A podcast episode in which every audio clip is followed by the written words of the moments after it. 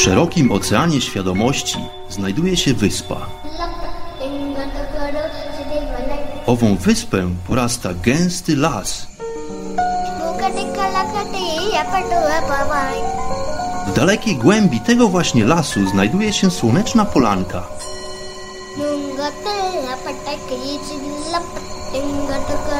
Przy tej oto polance w gorących promieniach słońca stoi sobie pewna magiczna chata.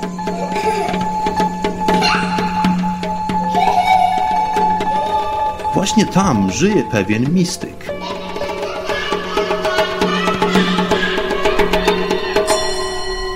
Mam na imię Bart i zapraszam wszystkich serdecznie do wysłuchania programu Chata Mistyka.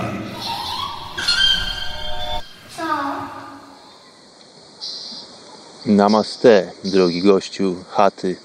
Pozdrawiam Twoją boską istotę. Witam w mych skromnych progach. Mam na imię Bart. I dzisiaj kolejna część opowieści na temat medytacji. W poprzedniej części Chaty Mistyka rozpocząłem temat, który e, dosyć rzeźkim torem zaprowadził mnie do momentu, kiedy to musiałem przerwać ze względów czasowych.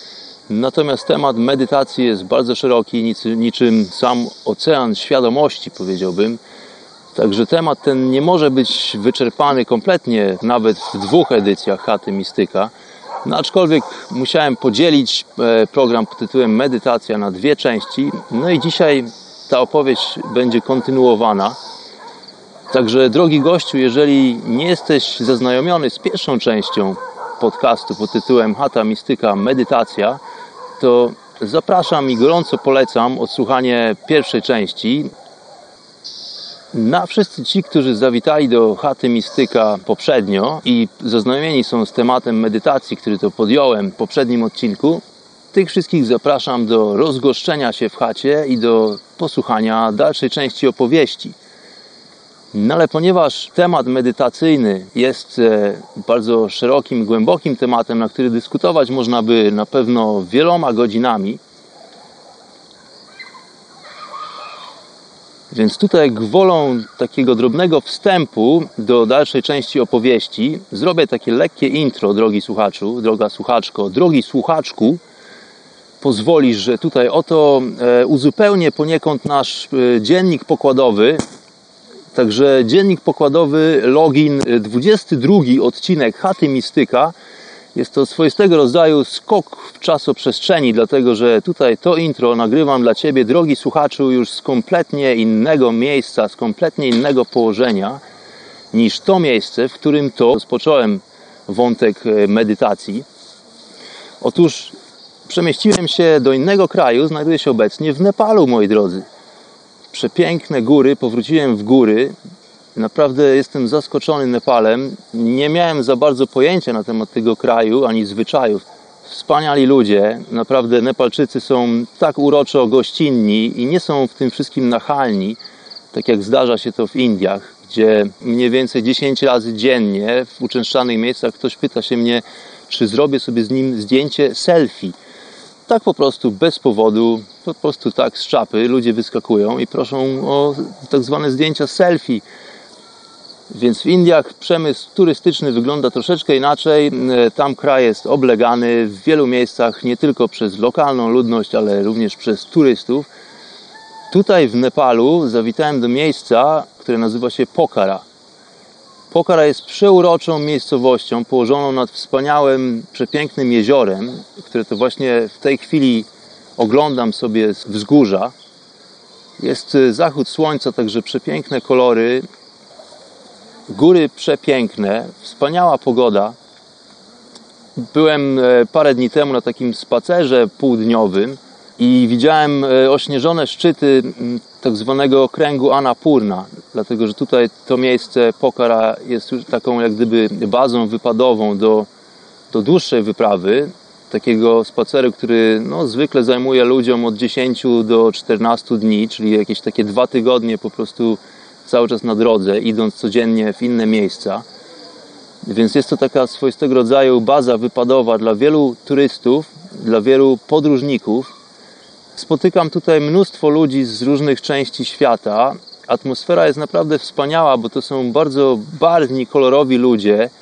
Każdy z nich ma jakąś historię, każdy z nich pochodzi skądś, e, z jakiegoś innego miejsca na planecie. Więc naprawdę przemiło jest spotkać takich ludzi i po prostu najzwyczajniej w świecie posłuchać ich opowieści.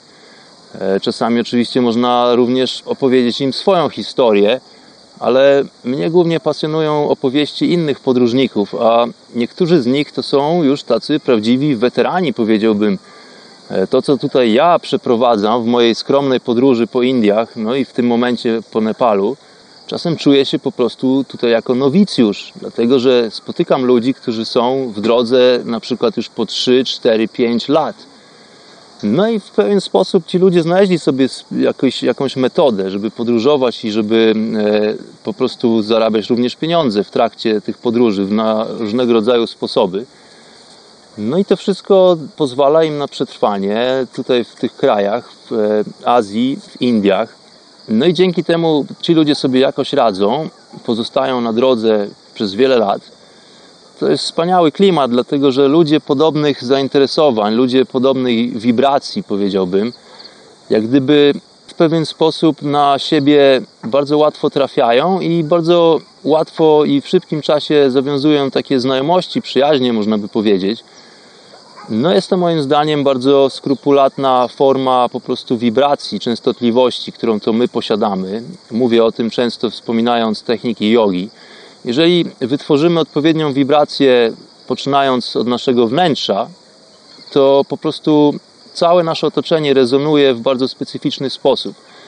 No i naturalnym jest to, że ludzie, którzy rezonują w bardzo podobny sposób, będą łączyć się w pary, w grupy, dlatego że naturalnym jest to, że częstotliwość chce współistnieć po prostu z wibracją. Wibracje muszą się w pewien sposób zazębiać, nakładać, Inaczej energia zostaje rozproszona lub też skierowana w inne miejsce, w inną lokalizację.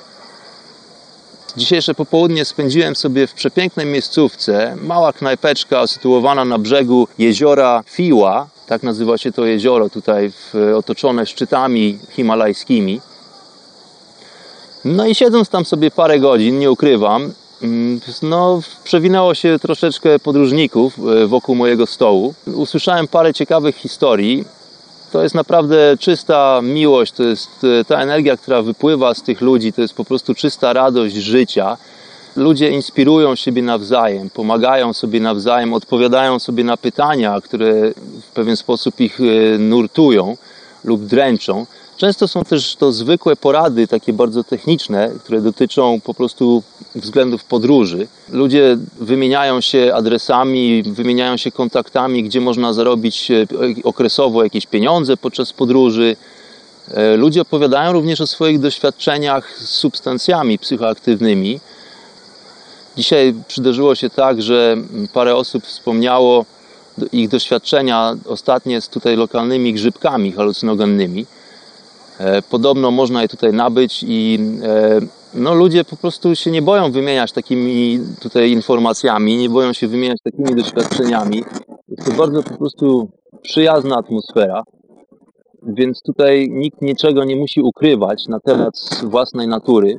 Wczoraj zresztą przydarzyło mi się spędzić parę godzin z ludźmi, którzy to właśnie e, byli podczas tak zwanego tripa LSD i opowiedzieli mi o swoim przecudnym dniu, który spędzili tutaj e, wokół jeziora i również w lesie. Bardzo miło spędzony czas, bardzo miłe górnolotne rozmowy i tematy. Radosna, wyluzowana atmosfera. Tutaj naprawdę nikt nie obawia się jakichś osądów, czy tego, kto o kim co będzie mówił za plecami, czy co pomyśli, dlatego że jest to po prostu tak wspólny mianownik e, dla tych wszystkich ludzi, którzy, tutaj się pojawiają w tym miejscu, że właśnie te kontakty są bardzo ułatwione. Także przemiłe dzisiaj popołudnie również w knajpeczce, parę ciekawych rozmów, e, dowiedziałem się parę ciekawych informacji. Ludzie rozmawiają na tematy również takie, jak na przykład zaprogramować wodę, zanim ją wypijesz. No więc miło, naprawdę miło, że ludzie są świadomi, że są obudzeni, że po prostu są otwarci i spoglądają na tą rzeczywistość we właściwy sposób. Oprócz tego, ponieważ e, pogoda i widoczność przewspaniała, parę godzin dzisiaj dosłownie spędziłem oglądając sobie paralotniarzy. Bardzo fajna miejscówka dla tych, którzy uprawiają ten sport paralotniarski. Ja miałem w życiu taki epizod, że też latałem na paralotniach, także wiem dokładnie po prostu jak wygląda sytuacja tam w górze, w powietrzu. Jest to przepiękna sprawa. Kiedy jesteś tam w górze, jest to zupełnie inny świat, jak gdyby zupełnie inna perspektywa tego miejsca, z którego pochodzisz, tego miejsca, w którym jesteś. Więc umysł również przełącza się po pewnym czasie na trochę inny rodzaj pracy. Jest to, powiedziałbym, nie tyle medytacja, aczkolwiek nazwałbym to może kontemplacją. Tutaj, moim zdaniem, jaka różnica jest pomiędzy medytacją a kontemplacją? Więc medytacja jest to stan, w którym próbujemy kompletnie wyłamać się poza zmysłowe aspekty naszej egzystencji, tutaj w tej rzeczywistości, w tym świecie dualizmu. Za pośrednictwem tych oto narzędzi poznawczych kreujemy sobie w jakiś sposób e, ogląd rzeczywistości. Więc pozbawienie się tych zmysłowych bodźców, a próba podjęcia doświadczenia poza zmysłowy sposób, to jest właśnie medytacja to jest osiągnięcie stanu umysłu, w którym panuje kompletna pustka, kompletna cisza, kompletny spokój, stan kwantowego odpoczynku, czy wypoczynku, można by powiedzieć, stan nierobienia, w którym to właśnie łączymy się bezpośrednio z całością. Więc jak gdyby medytując, stajesz się totalnością, stajesz się jednością, stajesz się całością. Natomiast kontemplacja, moim zdaniem, zachodzi przy udziale pewnego rodzaju inteligencji, czy też procesu intelektualnego. To znaczy, inteligencję znowuż można podzielić na wiele różnych warstw. Inteligencja niekoniecznie musi wiązać się z naszym intelektem, z naszym rozumem, chociaż również jest to aspekt e, inteligencji, tylko jest to swego rodzaju inteligencja wyuczona, prawda? Bazująca na bazie tego, co pozbieraliśmy w naszych doświadczeniach do tej pory. No oprócz tego jest również inteligencja na mm, poziomie takim makro, powiedziałbym, na poziomie naszych komórek, na poziomie tego, jak funkcjonują komórki krwi, dajmy na to w naszym organizmie. One wiedzą dokładnie, co mają robić, w jaki sposób, w jakim rytmie. Jest to jak gdyby inteligencja wewnętrzna, inteligencja życia, która z tym wszystkim steruje. I ona zachodzi sobie, te procesy zachodzą sobie jak gdyby bez naszego świadomego udziału. No ale o tych e, formach inteligencji porozmawiamy sobie kiedy indziej. Tutaj chciałem tylko jak gdyby przywołać różnicę pomiędzy medytacją a kontemplacją. Moim zdaniem kontemplacja, przy procesach kontemplacyjnych używamy w pewien sposób swojego intelektu, więc e, są to procesy, które mają naprowadzić nas na swego rodzaju wyjaśnienie lub zrozumienie, ogarnięcie w pewien sposób kwestii, no medytacja z drugiej strony to jest e, po prostu przejście w stan rzeczy jako ogół. Czyli to jest po prostu bycie rzeczą raczej niż studiowanie, interpretowanie owej rzeczy. No ale dzisiaj nie o tym. E, dzisiaj kontynuuję opowieść e, o medytacji, także za chwilę zmieni się troszeczkę tło dźwiękowe. Wspomniałem różne rodzaje medytacji, różne techniki medytacji. No ale doszedłem do takiego miejsca, gdzie wydaje mi się, że właśnie to siedzenie z zamkniętymi oczami, które w sanskrycie nazywane jest dhyana, to właśnie chyba jest najczęściej kojarzone w świecie zachodnim z medytacją, dlatego że wspomniałem wcześniej, że samo słowo medytacja niestety nie określa wszystkich technik, wszystkich gatunków e, podejmowania tego rodzaju praktyk. No ale dhyana to jest właśnie to siedzenie z zamkniętymi oczami, Także doszedłem do takiego miejsca, kiedy podzieliłem się z Wami moimi własnymi doświadczeniami, w jaki sposób to właśnie ja przeprowadzam tego typu technikę medytacyjną. To nie musi być dokładnie tak, to wszystko zależy od tego, z jakiej tradycji jak gdyby medytacja pochodzi, od jakiego mistrza również. No ale dla tych, którzy do tej pory nie zetknęli się z żadnymi technikami medytacyjnymi, myślę, że jest to dosyć fajna e, wystarczająca wskazówka, aby rozpocząć medytację. No więc wspomniałem o tych paru warunkach, które musimy sobie zapewnić. Przede wszystkim w pewien sposób atmosferę. Chodzi o to, żeby pies nie lizał nas po twarzy, żeby nie dzwonił telefon, e, żeby siostra nie waliła w drzwi naszej sypialni i tak dalej, i tak to niekoniecznie muszą być świeczki i kadzidełka. Więc siedzimy na podłodze. Dobrze jest siedzieć w pozycji tak zwanego półlotosu. Ta pozycja nazywa się RDC Dasana. Dla tych, którzy są bardziej skrupulatni, polecam pogrzebanie w internecie. Ale pozycja tak zwana po turecku również na początku wystarcza. Bardziej chodzi o to, żeby były proste plecy. Więc siedzimy z nogami skrzyżowanymi na podłodze. Plecy są proste, oczy są zamknięte, Ramiona spoczywają luźno wzdłuż korpusu, dłonie luźno spoczywają na udach, palce otwarte, połączone ze sobą, proste, ale nie napięte i dłonie skierowane do góry. Siedząc w ten sposób, zamknij oczy i lekko skieruj swoją twarz do góry. Kiedy skierujesz swoją twarz lekko do góry, zauważysz, że automatycznie Twoja uwaga w jakiejś części skupia się na punkcie na Twoim czole. Jest to mniej więcej 2-3 cm powyżej linii brwi. To jest właśnie trzecie oko.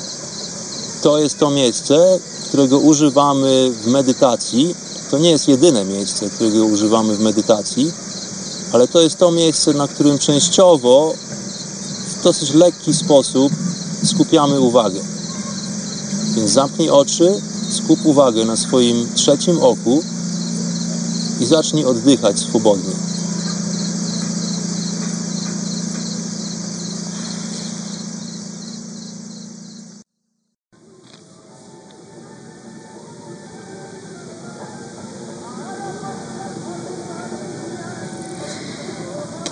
No i co? No i właściwie jesteśmy przygotowani do medytacji we właściwej pozycji. E, co tutaj warto wspomnieć, nie ustalajmy sobie żadnych limitów czasowych.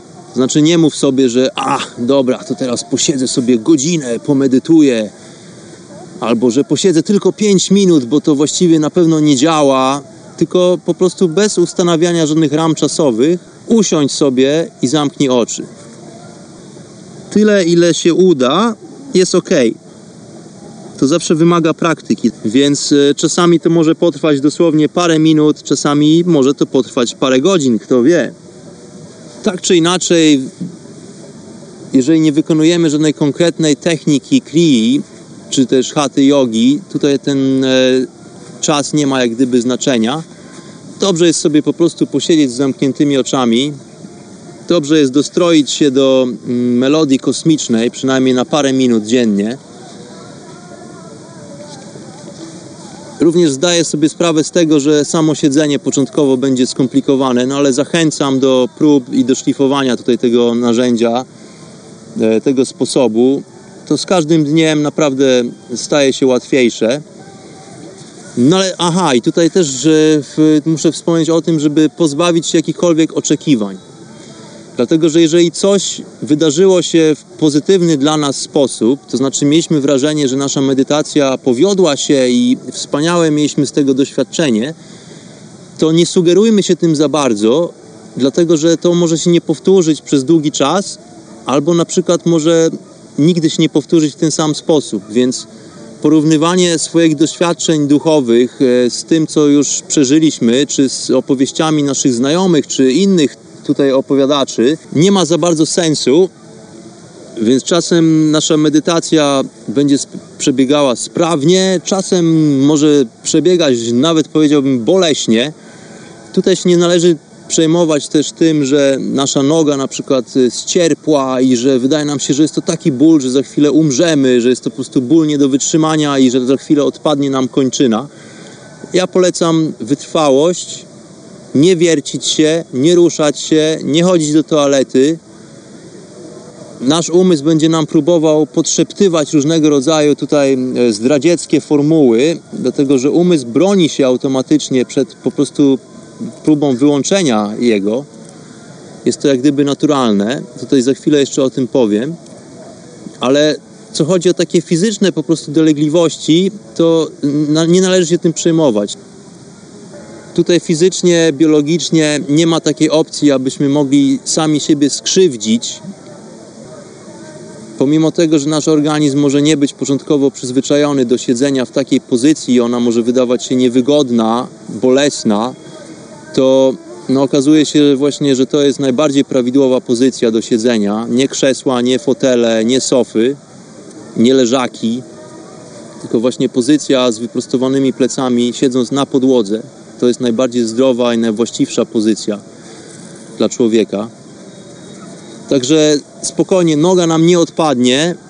Nie jesteśmy w stanie się uszkodzić sami, więc to się nie wydarzy, pomimo tego, że tak może się nam wydawać. Więc polecam wytrwałość. Siedząc w odpowiedniej pozycji, zamykamy mm, obieg energii, która to przekierowywana jest w górę naszego kręgosłupa, czyli naszej osi kosmicznej, w stronę e, wyżej umiejscowionych centr energetycznych, czyli tak zwanych czakr. No i o to właśnie w tym wszystkim chodzi. Dlatego, że odpalamy sobie w ten sposób po kolei po prostu te wszystkie nasze reaktory energetyczne. No i w ten sposób uruchamiamy po prostu to nasze cudowne urządzenie, czyli po prostu człowieka. Podsumowując e, ten nasz sposób na medytację, Diana, więc stworzyliśmy odpowiednią atmosferę, tudzież warunki. Tutaj też warto wspomnieć o tym, żeby wyłączyć cholerny telefon komórkowy i po prostu wszelkiego rodzaju inne alarmy, które mogą nam przeszkodzić w naszym krótkotrwałym, tak naprawdę w skali dnia procesie. Medytacja jest to również e, podjęcie próby funkcjonowania bez telefonu komórkowego, przynajmniej przez jakiś czas. Odpowiednia postawa jest tutaj ważna, więc usiąść na podłodze, na poduszce, na jakimś kocu, to na początku też pomaga. Nie musimy siedzieć bezpośrednio na twardej podłodze, aczkolwiek no, taka pozycja jest też zalecana. Ale możemy sobie wykorzystać do tego jakąś poduszkę, czy złożyć parokrotnie koc, na który możemy wtedy usiąść, dlatego że w ten sposób na początku będzie nam się siedziało po prostu lepiej i dłużej. Więc tutaj z tym nie ma problemu. Nogi są skrzyżowane. Oczywiście bez butów. Czasami, mm, oczywiście tutaj warto wspomnieć, że siedzimy bez butów również. Najlepiej siedzieć na bosaka, dlatego że wtedy najwspanialej uziemiamy się z naszą mamą planetą. Ramiona leżą swobodnie wzdłuż korpusu, są zrelaksowane. Dłonie swobodnie na udach spoczywają, skierowane do góry. Oczy są zamknięte, twarz lekko podniesiona do góry. W ten sposób przenosimy uwagę na punkt pomiędzy brwiami. No i oddech. Oddech powinien być swobodny, aczkolwiek naturalny, czyli ani go nie zatrzymujemy, oddychamy cały czas, ani nie bierzemy pełnych takich e, na maksa oddechów, tylko to po prostu powinien być naturalny, swobodny proces. Możemy zauważyć często, że nasz oddech zwalnia, albo na przykład staje się płytszy, tudzież głębszy. Różnego rodzaju rzeczy mogą wystąpić podczas procesu medytacji, ale tym nie należy się przejmować. No i tutaj właśnie oddychamy sobie swobodnie i zaczynamy obserwować oddech. To znaczy tutaj zwróć uwagę sobie na to, jakie wrażenia sprawia Twój oddech, co czujesz wdychając powietrze, co czujesz wydychając powietrze, gdzie dokładnie czujesz to powietrze wchodzące do Twojego organizmu, penetrujące Twój organizm. I tutaj tego rodzaju doświadczenia sobie po prostu swobodnie obserwujemy. Tak więc siedź tak sobie z zamkniętymi oczami, część uwagi skup na miejscu na czole, pomiędzy brwiami, no i obserwuj ten swój oddech. No i oddychaj. Wdech i wydech. Wdech nosem i wydech nosem. Usta są zamknięte.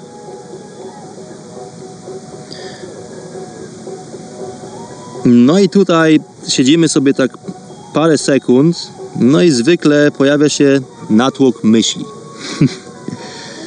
To jest bardzo częsty przypadek. Zaczynają się pojawiać w głowie myśli, szczególnie na samym początku, kiedy nie wiemy dokładnie jeszcze o co chodzi za bardzo z medytacją, zaczynamy się po prostu zastanawiać, zaczynamy wątpić. Czy na przykład siedzę odpowiednio, czy wszystko zrozumiałem, to o czym Bart mówił, czy instrukcje są klarowne dla mnie, czy w ogóle o co w tym wszystkim chodzi, czy robię wszystko ok. eee, chyba nie, chyba coś jest nie tak, bo się nic nie dzieje. Ale tutaj nie, to właśnie spokojnie, tutaj nic ma się nie dziać, moi drodzy. Tutaj nie wolno niczego oczekiwać, nie wolno niczego porównywać. Nie mam żadnych wizji, to jest ok. Nie czuję żadnych energii w moim żołądku, nic mi tam się nie porusza, nie czuję żadnego gilgotania, nie ma żadnych fajerwerków, no i wszystko jest ok, bo nie ma być. Jeżeli są fajerwerki, jeżeli są wizje, to jest ok. Jeżeli nie ma wizji, to też jest ok. Zwykle chodzi o to, żeby jak najbardziej oczyścić ten umysł, więc jakiegokolwiek rodzaju obrazy, dźwięki, kształty są tutaj właściwie niepożądane, ale też nie ma sensu z tym walczyć. Trzeba po prostu zaakceptować wszystko, co w tym naszym procesie medytacyjnym się właśnie odbywa i wszystko, co się z nami dzieje, jest ok. Wątpliwości pojawiają się dlatego, że tutaj właśnie nasz umysł próbuje przejąć kontrolę. Czyli to nasze narzędzie przetrwalnicze, z którego to często sobie nie zdajemy sprawy, że jest tylko i wyłącznie narzędziem do przetrwania nasz umysł, że to nie jest nasza identyfikacja. Ja nie jestem umysłem, ja nie jestem tym ciałem. Jestem cząstką kosmicznej świadomości, ale tutaj właśnie złudzenie jest takie, że identyfikujemy się często z naszym umysłem, z tym naszym ego nieszczęsnym. No i tutaj często ten umysł zaczyna panikować, dlatego że w pewnym momencie zaczynamy z nim robić coś, do czego on nie jest w ogóle przyzwyczajony. Co to znaczy, że ty będziesz teraz siedział z zamkniętymi oczami i nic nie myślał przez godzinę? Jak to w ogóle taki umysł po prostu próbuje podjąć walkę, próbuje podjąć rebelię, powiedziałbym. To jest czysta rebelia umysłowa. No ale właśnie z tym wszystkim tutaj sobie próbujemy poradzić. To wszystko próbujemy tutaj załagodzić. My jesteśmy przyzwyczajeni do ciągłych korowodów myśli, do obserwowania wszystkiego dookoła. Zawsze próbujemy sobie wszystko nazwać słowami, zawsze próbujemy wszystko sobie określić. No bo wtedy czujemy się bezpiecznie i wtedy jest ok. Jeżeli wszystko jest dla nas tak, jeżeli wszystko dla nas jest zrozumiałe, no to wtedy jest ok. Jeżeli jest coś, co widzimy czy doświadczamy, czego nie rozumiemy, no to pojawia się niepokój, pojawia się panika, no bo wydaje nam się, że jeżeli czegoś nie rozumiemy, to może jest to w stanie nam w jakiś sposób zaszkodzić, może jest to w stanie działać przeciwko nam. To właśnie jest domena umysłu, czyli naszego narzędzia do przetrwania w przyrodzie. Tworzenie sobie po prostu znaczenia wszystkiego i w każdym momencie, no ale to znaczenie tak naprawdę jest wytwarzane tylko w naszej głowie. Często mówiłem o tym, że rzeczy i cała przyroda i cała natura po prostu są, jakie są. One nie są ani dobre, ani nie są złe. Przyroda jest właściwie czymś, z czym my powinniśmy współistnieć. To nie jest e, czynnik, który próbuje nam zaszkodzić czy cokolwiek ułatwić. My po prostu znajdujemy sobie różnego rodzaju wyzwania, które to uznajemy za skomplikowane albo uznajemy za niewłaściwe, albo pewne aspekty przyrody uznajemy za niewłaściwe dla nas, próbujemy je modyfikować, próbujemy nad nimi pracować w odpowiedni sposób. No ale przyroda jest po prostu taka, jaka jest. Natura po prostu sobie istnieje. Więc tutaj próbujemy ujarzmić ten umysł, próbujemy odłączyć go od produkowania bredni na okrągło. No i siedzimy sobie w ciszy z zamkniętymi oczami. Jesteśmy tutaj rozpuszczeni w pustce, w ciemności. Nie ma niczego, nie ma właściwie niczego do nazywania, nie ma niczego do określania, nie ma niczego do planowania, nie ma właściwie o czym mówić, no, no nie ma o czym bełkotać. No i ten nasz umysł nieszczęsny zaczyna panikować. Co tutaj się dzieje? No ale wszystko jest ok. Właśnie po to medytujemy, aby przejąć w jakiś sposób kontrolę i ujarzmić ten nasz umysł niepokorny.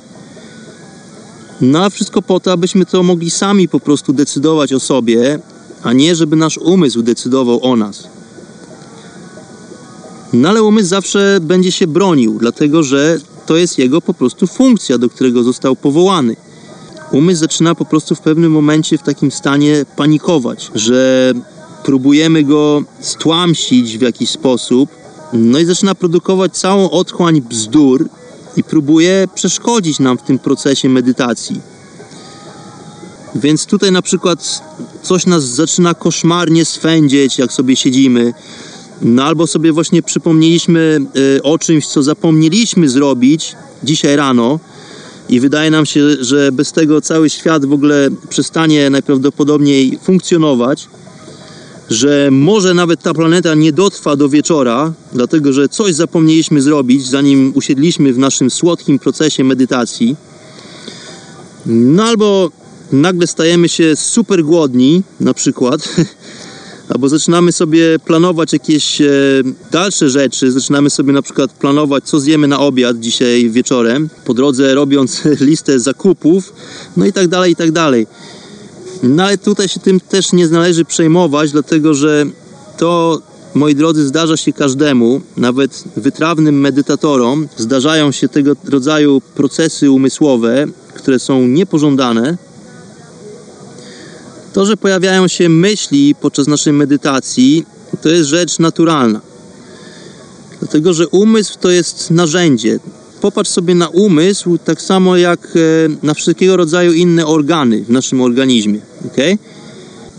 Umysł właściwie funkcjonuje tak samo jak wszystkie inne organy w naszym ciele, więc, e, więc po prostu każdy z tych organów ma swoją funkcję, jest zawsze bardziej lub mniej aktywny, ale zawsze działa.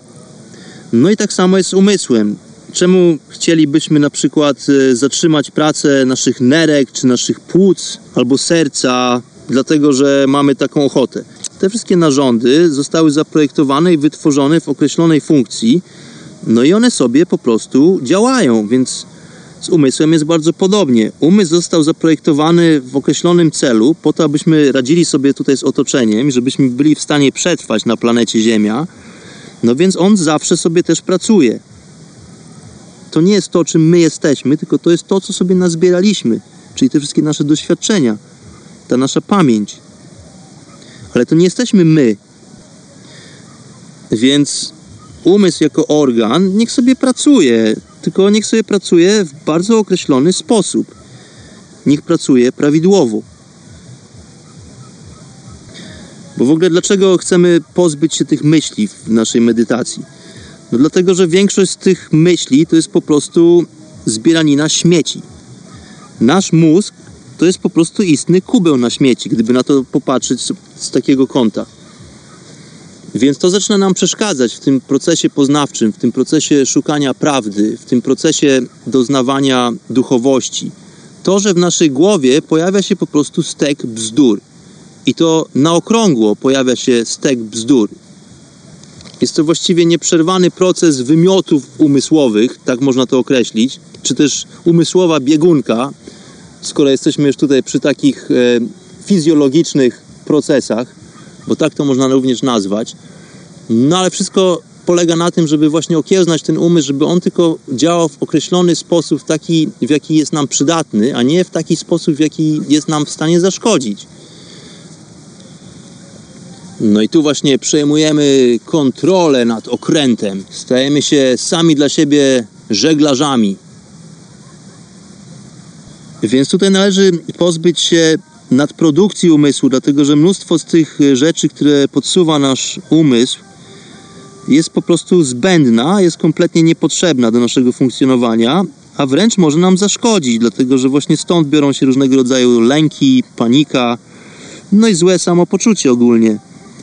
Więc e, jak tego dokonać? No, głównie tutaj chodzi o to, żeby podczas naszego życia codziennego po prostu żywić ten umysł e, tylko właściwym pokarmem, tak bym to określił. Im więcej syfu dostarczamy sobie po prostu poprzez nasze zmysły, głównie narząd wzroku, no tym więcej syfu będziemy mieli w tym kuble umysłowym. Więc tutaj bardzo istotne jest to na przykład e, czy oglądamy filmy, w ogóle czy oglądamy telewizję i jakiego rodzaju bodźce wzrokowe są po prostu dostarczane do naszego umysłu. No dlatego, że prędzej czy później to wszystko po prostu do nas wraca. Jeżeli będziemy oglądać filmy, gdzie po prostu krew się leje, ludzie padają niczym muchy, no i generalnie jest przemoc i, no i tego typu historie, no to tym nasz umysł właśnie się pożywi i prędzej czy później y, wykorzysta to przeciwko nam. Dlatego, że tak, taki jest schemat funkcjonowania tego narządu. Więc albo przejawi się to w formie po prostu bardzo nieprzyjemnych snów, albo przejawi się to bezpośrednio w formie jakiejś wizji, e, czy też tak zwanych déjà vu, czy też innych rodzajów lęków, które to mogą pojawić się z nienacka w najbardziej nieoczekiwanym momencie po prostu naszego dnia. Więc ja zawsze zachęcam gorąco do wyłączenia i wyrzucenia w ogóle telewizora z domu. To jest naprawdę skaza tej cywilizacji. Cały ten system medialny został zaprojektowany po to, aby kontrolować masy ludzi, po to, aby nam zaszkodzić. Śmiało, pierwszym krokiem, który powinniście wykonać, jeżeli jeszcze go nie wykonaliście, w celu e, przybliżenia się troszeczkę do świadomego spoglądania na świat, to jest po prostu wyrzucenie tego pudła. Wyrzucenie telewizora. To bardzo ułatwia życie, to e, zaoszczędza mnóstwo wyjątkowo ważnego czasu tutaj w naszym funkcjonowaniu. No i właśnie w ten sposób ograniczamy sobie te negatywne bodźce wzrokowe, które to docierają do naszego umysłu, który to właśnie kreuje sobie e, na bazie tego naszą opinię na temat świata, na temat nas samych. No ta opinia może być bardzo odległa od prawdy.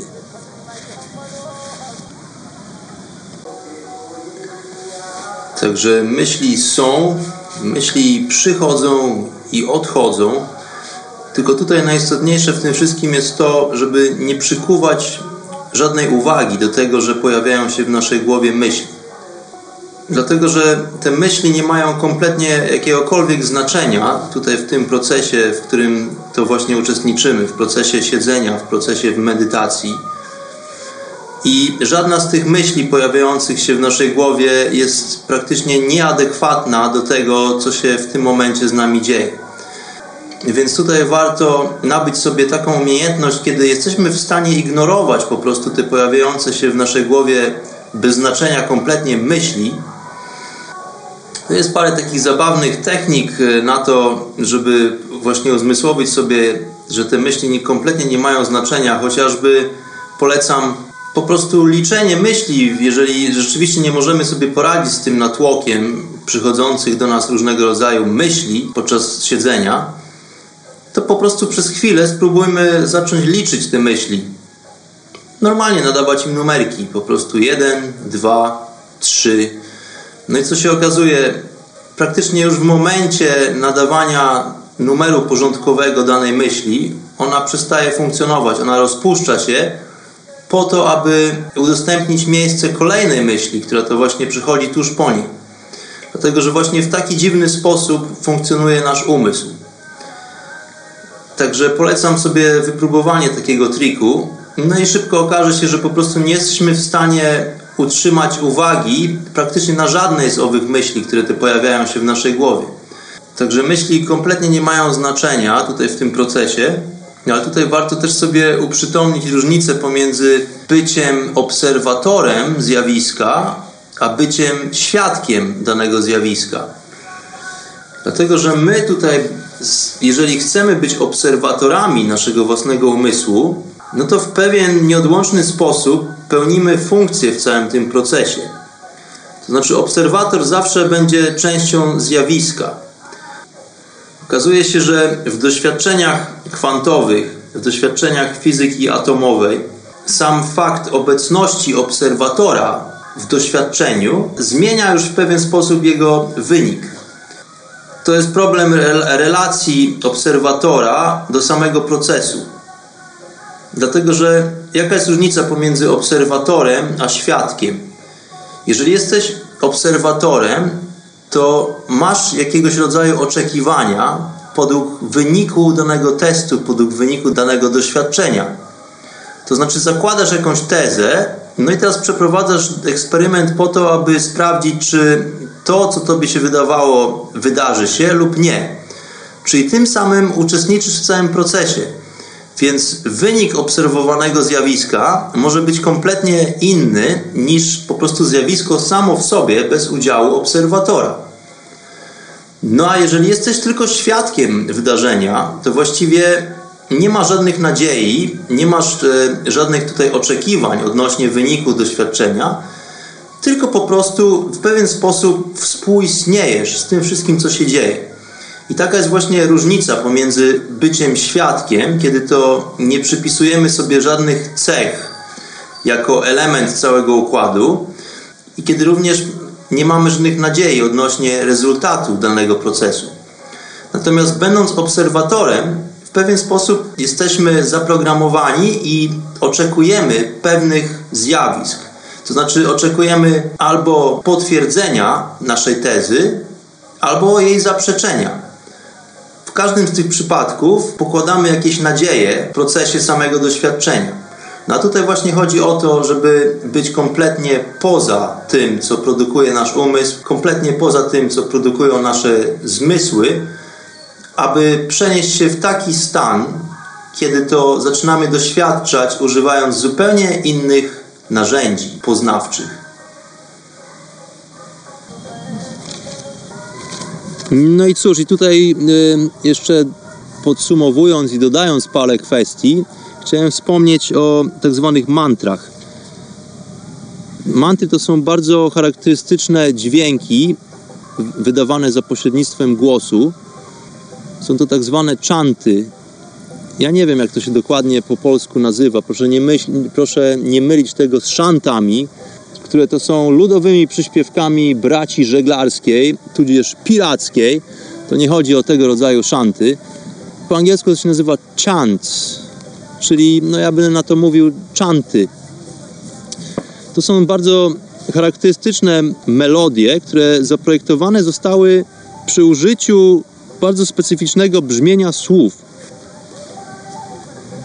Chodzi tutaj o wibrację dźwięku, czyli nie tyle o znaczenie samych słów, które też jest bardzo istotne w mantrach, ale o metodę zestawienia tych dźwięków razem ze sobą, które to powodują bardzo specyficzną wibrację dźwięków poprzez właśnie starane do, dobieranie słów.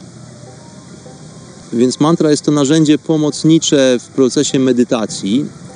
Mantra niekoniecznie musi być wykorzystywana w każdej medytacji. To są bardzo określone rodzaje techniki medytacyjne taką najbardziej chyba powszechną i najbardziej znaną i prawdopodobnie jedną z potężniejszych mantr na świecie jest mantra Aum. Więc e, tutaj nie bez powodu wymawiam tą mantrę Aum. To są trzy litery Aum. To, co zwykle kojarzone na świecie jest e, jako mantra Om, to jest po prostu troszeczkę mylna interpretacja Tutaj w procesie wielu tysięcy lat e, ta mantra Aum została trochę zatarta i w różnego rodzaju przekazach pojawiła się wersja Om, która jest trochę spłaszczeniem tej właśnie pierwotnej, potężnej mantry. Te trzy dźwięki A, U, M w połączeniu stają się bardzo potężnym przewodem energetycznym stają się pomostem pomiędzy światem stworzenia a światem niebytu. O mantrze Aum będę opowiadał trochę więcej w epizodzie, który to zamierzam tutaj wyprodukować dla Was, drodzy goście chaty, w którym to będę mówił o muzyce i o tym, jak dźwięki oddziałują na nasz organizm i w ogóle jakie są podwaliny całego systemu muzycznego. No a z drugiej strony w kontraście, jak wygląda to w dzisiejszych czasach. No i tam właśnie też e, zaplanowałem taką sekcję, w której to opowiem trochę bardziej obszernie na temat samej mantry Aum. Czyli póki co na tyle, zostawmy mantrę Om, czy też prawidłowo Aum. Tutaj nie będę za długo na ten temat dzisiaj opowiadał. Jeszcze wspomnę te inne techniki medytacyjne, które ciężko określić jest właśnie jednym słowem, słowem medytacja. Jest, to słowo jest nieadekwatne do po prostu całej plejady różnego rodzaju metod. Więc jest jeszcze metoda, która nazywa się szunia. Szunia z sanskrytu oznacza pustkę. To jest praktyka, którą również realizuję na co dzień bardzo potężna technika. Tutaj nie będę opowiadał za dużo na ten temat, dlatego że nie jestem jak gdyby upoważniony za bardzo do opowiadania o tej technice.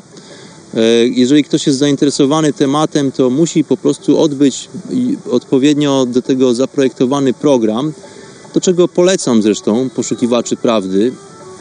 Jest to część e, potężnej p- potężnej technologii, którą, która powoduje właśnie przekierowywanie naszych wewnętrznych energii życia w odpowiedni sposób. Dopełnieniem tej techniki jest właśnie forma medytacji, która nazywa się shunya. To wszystko jest bardzo głęboką, dosyć poważną technologią, do której trzeba być wtajemniczonym przez odpowiednich ludzi. No i tutaj również musi nastąpić proces inicjacji, dlatego tylko o tym tutaj wspominam, rzecz warta uwagi, rzecz warta polecenia, aczkolwiek e, no, ode mnie tego się nie nauczycie, moi drodzy. No i tu jeszcze wspomnę tak pokrótce o tym, że mamy różnego rodzaju bardzo aktywne formy medytacji. Medytacja może odbywać się na przykład w tańcu, jest e, medytacja śmiechu i potrząsania ciałem. Ja widziałem tego typu techniki, kiedy byłem w górach e, w pewnym domu, gdzie znajdowali się medytatorzy ze szkoły mistyka, który nazywał się Osho. No i oni właśnie praktykowali tego typu metody, gdzie tańczyli, śmiali się bardzo głośno i potrząsali swoimi organizmami. Są też metody, które polegają na krzyczeniu, no ale to wszystko ma na celu po prostu w jakiś sposób oczyszczenie naszych emocji, no i przygotowanie naszego umysłu do właśnie osiągnięcia tego stanu, w którym to nie, nie musi produkować po prostu steku bzdur.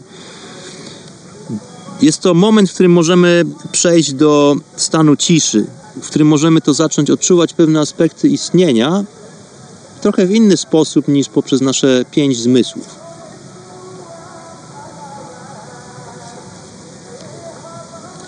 Więc tutaj również są różnego rodzaju medytacje w bardzo aktywnym ruchu. Ja będąc w Ashramie w południowych Indiach przechodziłem różnego rodzaju techniki, często no powiedziałbym bardzo wymagające fizycznie, również emocjonalnie. To były metody, w których e, często zmęczenie moje, takie fizyczne po prostu zmęczenie, było pociągnięte do granic możliwości. To naprawdę miałem parokrotnie wrażenie takie, że fizycznie moje ciało po prostu już odmawia posłuszeństwa i chyba umieram. No ale to właśnie w przypadkach e, takich technik warto być pod e, opieką wprawnego oka mistrza. Są to momenty, w których e, naprawdę zwalczamy kompletnie nasze fizyczne limitacje. E, Tam również dosyć mocno e, wchodzą w grę emocje. No tutaj się muszę przyznać, że parę razy podczas praktykowania tego typu medytacji w nowym ashramie skończyło się u mnie e, łezką w oku, no i poszlochiwaniem. No ale to są naturalne procesy oczyszczania. Po prostu to, co w nas siedzi, bardzo często wypływa na zewnątrz w najmniej oczekiwanym momencie. No i chodzi o to, aby właśnie złamać tą naszą sztywną ramę egzystencji, tak bym to powiedział, aby doznać oczyszczenia i poprzez to ustanowić kontakt ze źródłem, tak bym to określił. Czyli połączyć się bezpośrednio z kosmosem. No ale skoro jesteśmy w miejscu, gdzie gromadzi się mnóstwo wyznawców buddyzmu, to też warto wspomnieć o tym, że buddyści mają swojego rodzaju techniki medytacyjne, które nie odbiegają bardzo daleko od technik jogińskich. To wszystko ma bardzo wspólny mianownik, pochodzi od tych samych źródeł prawdopodobnie. No ale tutaj wyróżnia się na przykład taka medytacja, która polega na chodzeniu, na bardzo uważnym, świadomym stawianiu kroków, gdzie poprzez ten kontakt z ziemią, z glebą, po prostu jesteśmy w stanie wyostrzyć swoją uważność. No i w tym ruchu jesteśmy w stanie przenieść naszą świadomość na troszeczkę inny grunt. Jesteśmy w stanie doświadczyć naszego ciała, naszego miejsca w przestrzeni pod trochę innym kątem.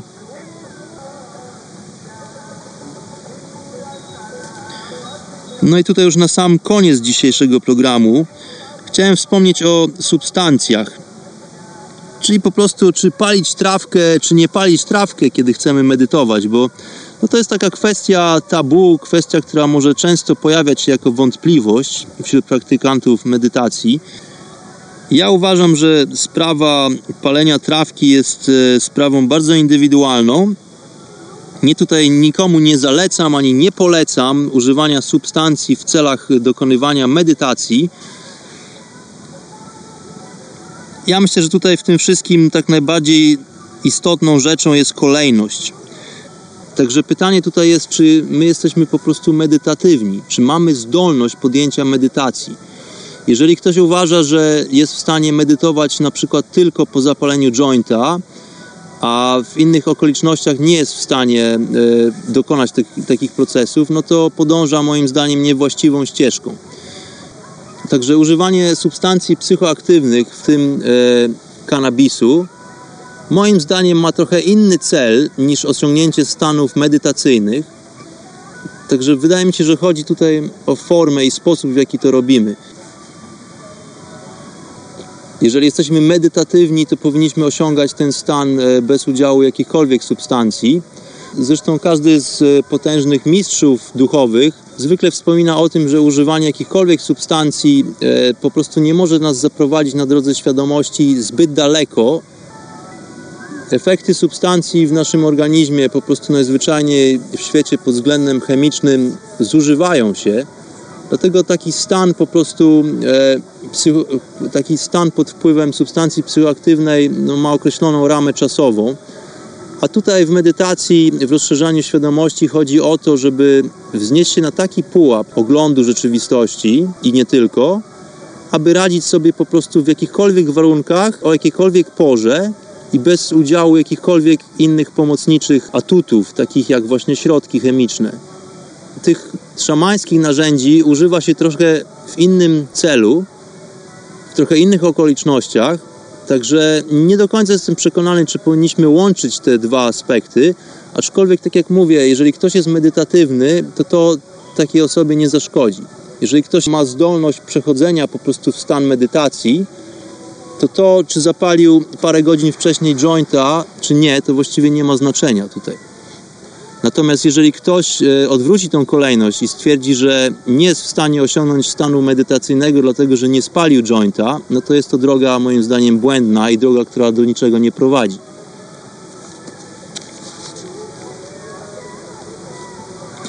Także moi drodzy, ćwiczenie i regularne praktyki są tutaj w procesie medytacyjnym bardzo istotne.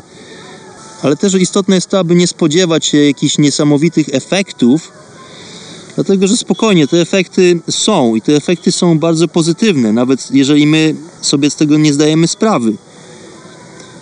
Tak jak wspomniałem, nie należy porównywać swoich doświadczeń do, do naszych wcześniejszych doświadczeń i do opowieści innych ludzi praktykujących e, medytację, praktykujących jogę. Dlatego, że te wszystkie porównania będą nas tylko rozpraszały, będą wprowadzały jakieś poczucie zawiedzenia, dlatego że komuś e, dzieje się coś nieprawdopodobnego, a ze mną nic się nie dzieje. No to są wszystko rzeczy, których należy unikać. Dlatego ja też nigdy nie polecam rozmów na temat e, swoich duchowych doświadczeń. Ja tutaj mogę wspomnieć o różnych rodzajach technik medytacyjnych i tak dalej, ale również nie będę wspominał e, o tym, czego ja sam doświadczam podczas moich, e, podczas moich medytacji, dlatego że jest to sprawa bardzo indywidualna. No i ponadto nie należy się sugerować doświadczeniami nikogo innego, tylko po prostu przebywać te doświadczenia, przeżywać je samodzielnie. Na ponad to wszystko musimy być otwarci na możliwości. Na to, jakie możliwości medytacja może nam dostarczyć. Warto być podatnym na naturalny obieg i po prostu doświadczać. Trzeba zagłębić się do wnętrza siebie, odkryć spokój, odkryć ciszę. Czasem uda to się trochę bardziej, czasem uda się to mniej, ale zauważcie, że zawsze to się udaje. Jak są myśli, to jest ok. Po prostu je ignoruj. Jak nie ma myśli, to też jest ok. Także zachęcam wszystkich do regularnego praktykowania, zachęcam wszystkich do doświadczania. No i tutaj na koniec mam taki krótki cytat od mojego guru, od Sadguru, który mówi o medytacji tak. Kiedy Twoja myśl, emocje i energie zostaną zorganizowane we właściwy sposób, Twoje ciało również się zorganizuje. Gdy wszystkie te cztery czynniki są zorientowane w tym samym kierunku, Twoja zdolność do tworzenia i manifestowania tego, co chcesz, jest fenomenalna. Tym optymistycznym cytatem, ową mądrością wypływającą od Sadguru, kończę dzisiejszą audycję Chaty Mistyka. Zapraszam wszystkich bardzo, bardzo serdecznie do odwiedzin w przyszłym tygodniu. Ja tymczasem borem lasem składam tutaj moje studio nagraniowe pośrodku pustynnej rzeki w miejscowości Bodgaja, gdzie doznał oświecenia pewien czcigodny gentleman sprzed ponad 2,5 tysiąca lat, którego to krokami, śladami podąża wielu, wielu wyznawców na całym świecie. No i zachęcam wszystkich do medytacji, zachęcam wszystkich do zagłębiania się wewnątrz siebie, do upajania się ciszą, naturalnym porządkiem świata i do pojednania się z kosmosem, ze Stwórcą, ze stworzeniem, z całą naturą. Pokój i miłość i światło dla Was. Zapraszam niebawem. Namaste.